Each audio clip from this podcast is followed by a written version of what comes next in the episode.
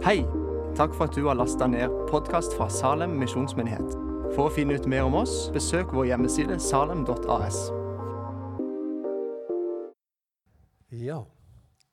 Jeg har eh, tjuvstarta på kaffen, jeg, faktisk. Fordi at jeg har Jeg vet ikke om du hører det, men jeg har ikke så veldig sterk stemme i dag.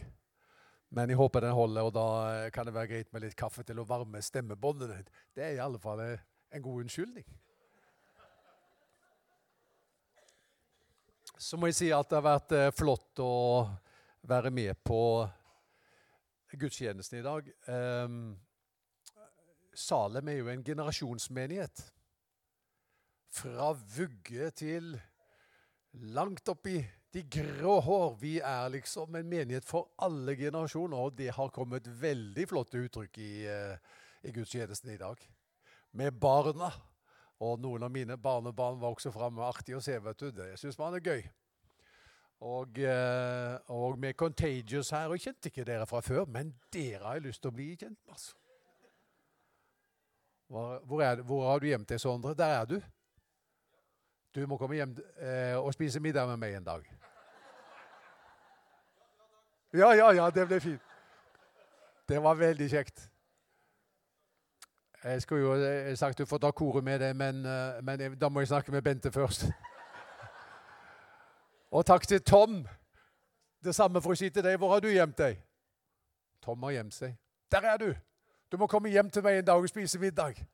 Takk for den, uh, takk for den gaven som dere også ga gjennom denne flotte sangen. Og så må jeg jo også si tusen takk til Jarle, min gode venn, for at du ville ta hånd om den uh, fine innsettelseshøytideligheten. Takk for gode ord. Takk til Elin for gode ord. Til Svein for gode ord. Dette er stort for meg, faktisk. Dere ser kanskje ikke, men jeg har tatt på meg altså den fineste dressen. Med vest. Den har jeg på meg tre ganger i året. Det er eh, på, på julaften, og så er det 17. mai, og så er det når jeg innsettes som pastor. Ja, ja, det er jo ikke så ofte, akkurat det siste. Så, men det er, eh, det er, veldig, veldig meningsfullt eh, for meg, dette her. Og eh, jeg gleder meg til den etappen som ligger foran. Så skal vi lese Guds ord, og hvis jeg får dette til, så skal jeg rett og slett få lov til å styre dette. Er det bare å trykke på den pila? Jepp. Og da peker jeg på deg, selvfølgelig. Se der. Og da er det slik at eh, Overskriften, sånn at du kan få den hvis du kommer hjem til noen og de spør hva talte Geir om i dag, da? Hva sa han på den innsettelsesgudstjenesten? Ja, da sa han 'Hvem tror du at du er?' Det var det han talte om. Hvem tror du at du er? Og eh, Det er jo en tittel som jeg ikke liksom helt har kommet på sjøl. Jeg vet ikke om du ser på TV, men det er jo en TV-serie som eh, heter nettopp det. 'Hvem tror du at du er?', som har gått over eh, noen sesonger og en del eh, episoder nå, der vi følger mer og mindre profilerte da, personer gjennom et program der de utforsker en bit av slektshistorien sin. Blir bedre kjent med noen i slektstreet. Og så ser man noe interessant at det eh, svare på liksom, hvem familien min er, og hvem slekta mi er, hvem jeg tilhører. Det hjelper meg også å finne svar på et annet spørsmål, nemlig hvem er jeg? Hvem tilhører jeg? Det påvirker min identitet i forhold til hvem er jeg? Og det er aldri mer eh, sant enn når det gjelder oss som er kristne. Men et bildet her, han kjenner du. Han er jo, det er jo Jan Egeland i, i Han er generalsekretær i Flyktninghjelpen, og han er jo i en av disse programmene. Det må jeg kanskje si først. Og eh, Han kjente jo sin eh, farfar som en gammel og sliten og slagrammet mann. Oss eh, gammel mann òg. Og så eh, men så visste han at det var en annen historie. Han hadde sett et bilde av ham i en flott sjøoffiseruniform. Og eh, så når han utforsker dette, her, så ser han han var krigsseiler. Og denne spennende historien er med på å definere også hvem han er. Hans familie, hans farfar, har betydning for hvem han er. Og som jeg sa, dette gjelder også oss som er kristne. Den vi tilhører. Og det er Jesus, og det er Gud. Vi tilhører Guds familie. de er med på å svare på spørsmålet hvem er jeg egentlig? Og nå får vi teksten her. Jeg har den på veggen, og så har vi den her. Da står det slik Men dere er en utvalgt slekt, et kongelig presteskap, et hellig folk, et folk som Gud har vunnet for at dere skal forkynne Hans storverk, Han som kalte dere fra mørket og inn i sitt underfulle lys. Dere som før ikke var et folk, er nå Guds folk. Dere som før ikke fant barmhjertighet, har nå funnet barmhjertighet. Ja, slik står det i den teksten som jeg har foran meg her. Så hvem tror du at du er? For det første du er utvalgt. Når du tilhører Guds familie, så er du utvalgt. Jeg vet ikke om du husker dette bildet? Husker dere hvilken setting dette er tatt? Det var her før jul så ville Carl I. Hagen gjerne være med i Nobelkomiteen. Og så ble han vraket. Det er det motsatte av å være utvalgt. Det er å være vraket. Det er ikke noen god følelse. Og han sier etterpå, flere, flere aviser siterer han på det, han sier følgende Jeg må være verre enn jeg har trodd. Når jeg leste det, så tenkte jeg det er første sannhet av to sannheter som vi må oppdage før vi kan bli kristne. Så det som Carl I. Hagen har oppdaget når han sier 'jeg må være verre enn jeg har trodd at jeg det er sannhet nummer én. Og, gjelder, og den har vi vel alle sett. Har du hatt berøring med det? Har du noen gang oppdaget Oi, det er visst verre med meg enn jeg har trodd. Jeg husker jeg lærte det som nykristen. Jeg var eh, hjemme, jeg har fortalt det før, jeg var hjemme i Haugesund, i Misjonskirka. Og så var det et eller annet som hadde skjedd som jeg var veldig lei meg for. Jeg bekjente dette for en, eh, en erfaren sjelesørger. Og da så hun på meg, Ida heter hun, så så hun på meg med store, alvorlige øyne når hun hørte hørt dette. Så sa hun, Geir, du er mye verre enn som så. Det var ikke mye trøst. Men sannheten er den. Det er liksom del én av uh, budskapet om Jesus. Det er det at det er verre med oss enn vi trodde det var. To er du er også mye høyere elsket enn du noen gang kunne drømme om. Del én det er verre med meg enn jeg har trodd. Det har vi felles, alle vi, Carl I. Hagen og alle oss andre. Og den andre sannheten, altså. Du er høyere elsket enn du noen gang kunne drømme om. Og det er det som ligger i utvelgelsen. Da Gud sier, Jesus sier til oss, 'Dere har ikke utvalgt meg, men jeg har utvalgt dere'. Husker da barna våre var små? Jeg har noen av dem her i, i dag også. De er ikke små lenger. Men da de var små, så kunne jeg si til dem, og Bente òg Hvis alle barn i hele verden sto på en rekke, og så spurte Gud oss hvem vil dere velge? Da svarte de, mamma og pappa, dere hadde valgt oss.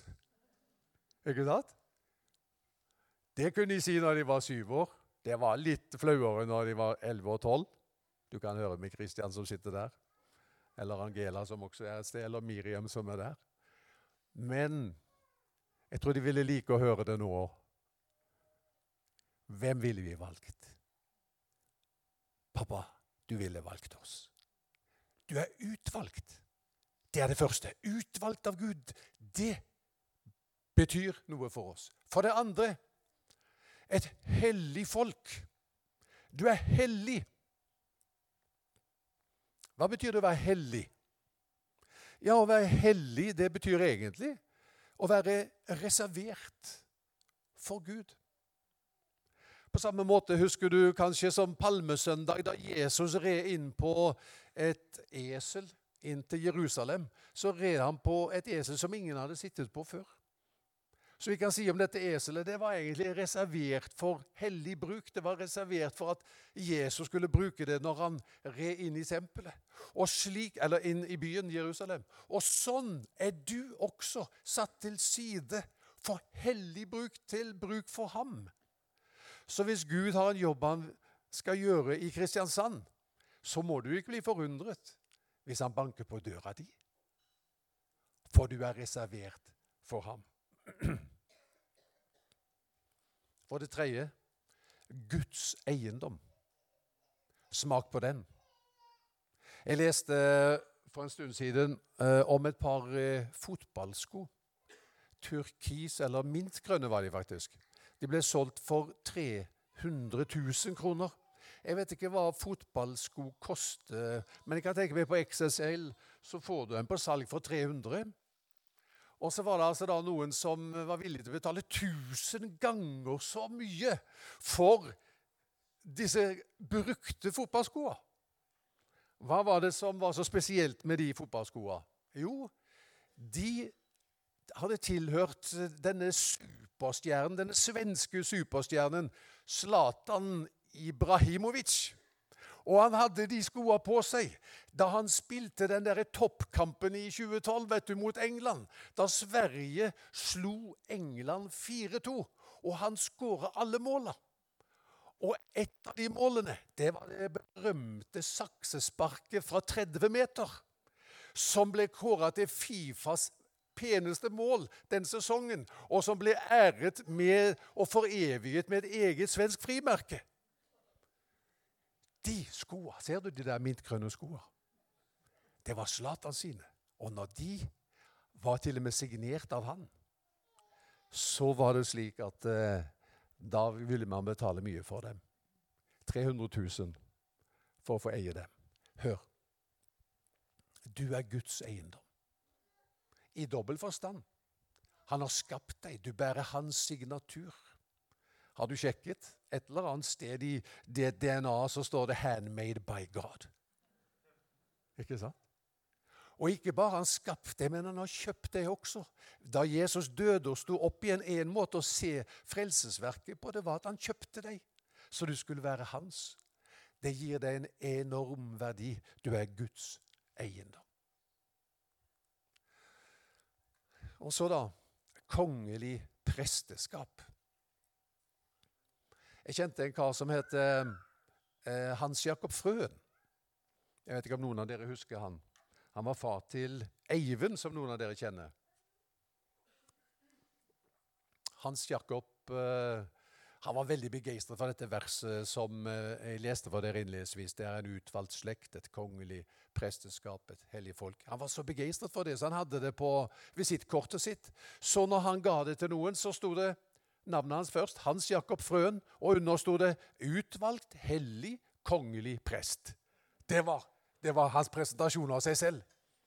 Og egentlig så kan det egentlig puttes som en sånn der definisjon eller en forklaring bak navnet på hver enkelt av oss. Eller du kan sette det på Facebook-profilen din, navnet ditt, og så 'Utvalgt hellig kongelig prest'. For vi er alle prester. Visste du det? Nå er jeg innviet til pastor her i dag. Og så kan vi tenke at eh, ja, Geir og Elin og Jarle og eh, noen til, de er, eh, de er prester, kan vi si. Og så er det oss andre, da. Vi er jo liksom ikke det.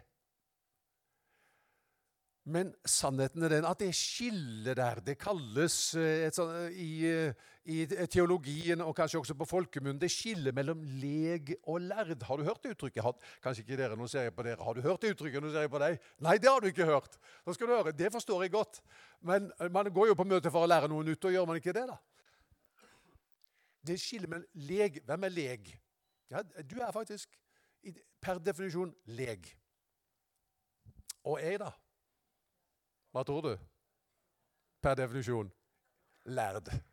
Har du hørt på maken? Det ville du ikke være med på. Nei, det er jeg enig med deg.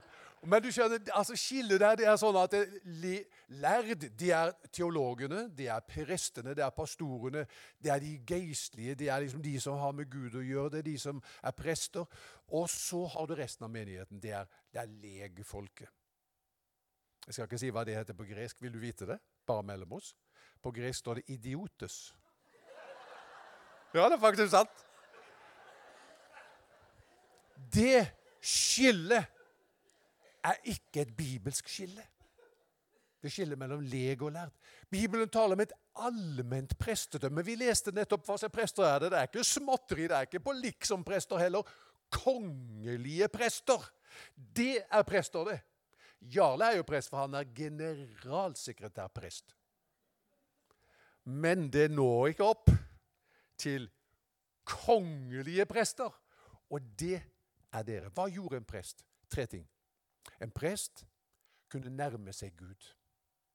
Hvis, før i tida i Den gamle testamentet, hvis man ville nærme seg Gud, så var det presten som gjorde det. Så måtte du, hvis du ville høre fra Gud, så måtte du da snakke med presten etterpå. Hva sa Gud? Det var liksom en sånn mellommann. Men du, står det i Bibelen, har direkte adgang til Gud. Du trenger ikke gå til Gud via pastoren. Du kan høre fra Gud. Du er prest i den forstand. Jesus har ved sin død oppstandelse åpnet en vei for deg like inn i helligdommen. Med frimodighet kan vi tre fram for nådens trone og finne nåde som gir hjelp til rette tid. Du er prest. For det andre så var det slik at presten han brakte fram offer. Det var døde offer, dyr, det kunne være takkoffer eller eh, offer for synder. Og det kan også du gjøre. Da snakker vi ikke om eh, dyreoffer. Det er avskaffet ved Jesu døde oppstandelse. Men det står i Romerbrevet 12 du kan bringe deg selv fram som et offer. Sånn at når jeg som pastor gjør min gjerning, så gjør jeg det som en gudstjeneste. Og når Bente går på jobb eh, på Nav, så gjør hun det som en gudstjeneste. Romerbrevet 12 hun bringer seg selv fram som et offer for Gud. Og hva var det du gjorde, eh, du min gode venn som ikke har lært navnet på ennå, som er lege, og som heter Mikael? Hva gjør du til daglig? Du er student. Fantastisk. Hva studerer du til å bli? SOS, hørte dere det? Sosionom. Det livet som student og senere som sosionom kan du bringe som en gudstjeneste framfor Gud, så du gjør hver dag. Så gjør du jobben som sosionom ikke for mennesker, men som for Herren. Så er det en gudstjeneste. Du er prest. Det visste du ikke. Nei, men nå har du lært noe nytt. Og det tredje som presten gjorde Presten, Det latinske ordet for prest det er pontifex. Og det betyr eh, eh, brobygger. Og presten var en brobygger mellom Gud og mennesker. Det, også i den forstand er alle som tror på Jesus, Guds menighet, prester. Du er også kalt til å være brobygger mellom Gud og de som ennå ikke kjenner ham. Tenk på det. Så du er prest. Hva betyr dette? Det betyr at det er skillet som er mellom leg og lærd, som vi snakket om i stad. Det er et kunstig skille som Bibelen ikke snakker om, for vi er alle prester. Søren Kirkegård, har dere hørt om han? Yes, Han så jo dette. Og Han sa, vi, han så på menigheten, og så sa han hvis vi sammenligner menigheten med en teatersal. Så foregår menighetslivet i dag på denne måten. På scenen har vi de geistlige, pastorene og prestene. Suffløren, det vet dere i en teatersal er det alltid en sufflør. Suffløren, det er Den hellige ånd. Og i salen, hvem sitter der? Der sitter menigheten. Menigheten er i dette bildet redusert til et publikum, tilhørere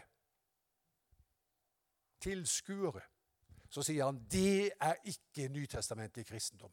Vi snur på dette, sier han. I nytestamentlig kristendom er bildet sånt. Hvem er på scenen? Menigheten. Det er jo de som er det. Det er de som er prestene. Det allmenne prestedømmet. Menigheten er på scenen. Hvem er suffløren? Pastoren. Han er suffløren. Hvem er i salen? Det er 1000-kronerspørsmålet til deg. Hvem tror du er i salen? Det er ikke godt å si. Du skal få tenke det litt om. Og så kan han Simon hjelpe deg. Uh, det er ikke lett å svare på. Jeg skal si det. Gud. Hadde du trodd det? Ja, du hadde trodd det. Det er Gud som er i salen. Menigheten er på scenen. Pastoren er suffløren. Og Gud er tilhøreren. Fordi vi gjør vår tjeneste for Gud, alle sammen. Hva er da min rolle som eh, pastor?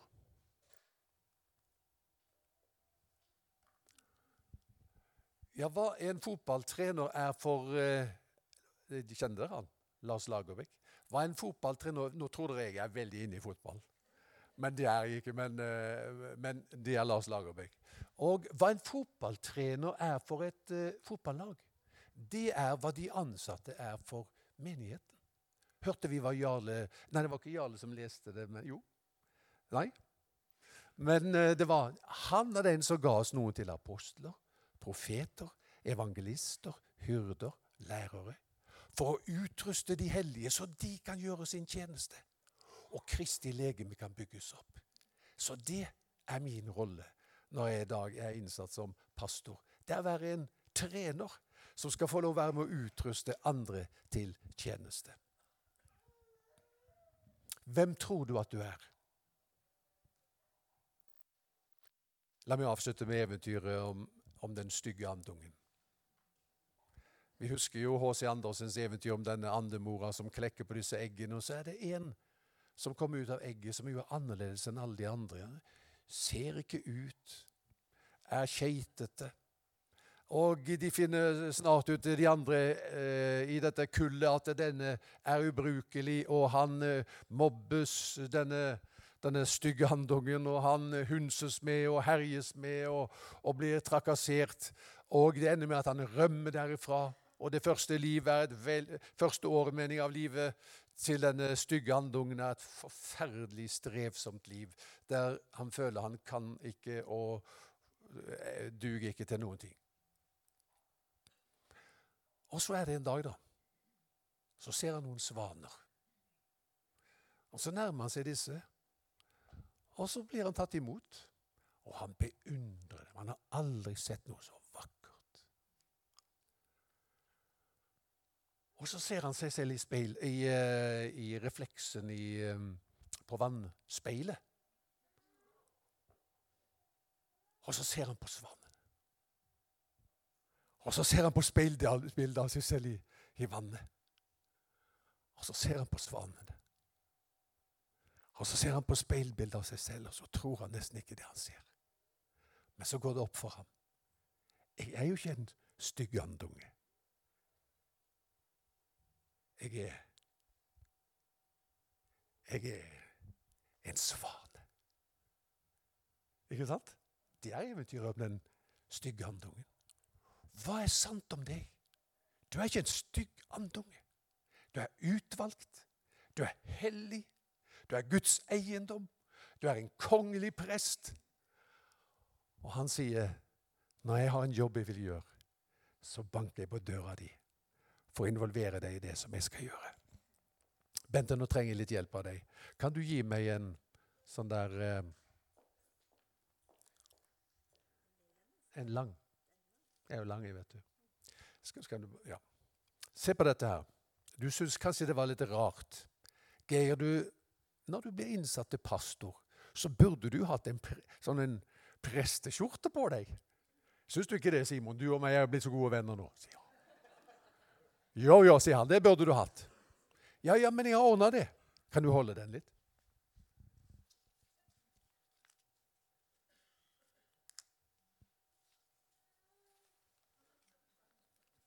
Hæ? Blir det bra, eh, Reidun?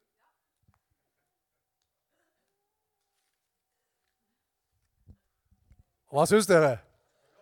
Var det bra? Hvorfor har jeg denne her, da? Du skjønner det, jeg er prest.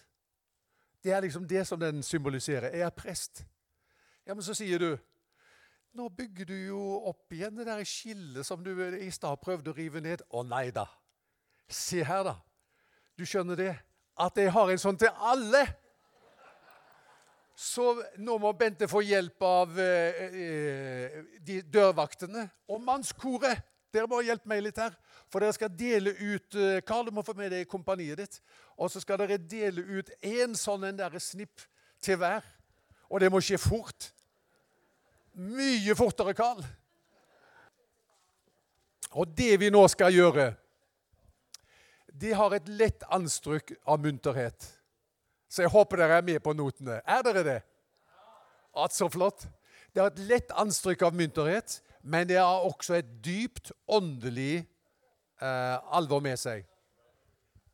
For nå, nå, skal jeg se hvem som Ja, riktig, Sigrid. Du du, for, så kan du få hjelp av sidevenninnen din.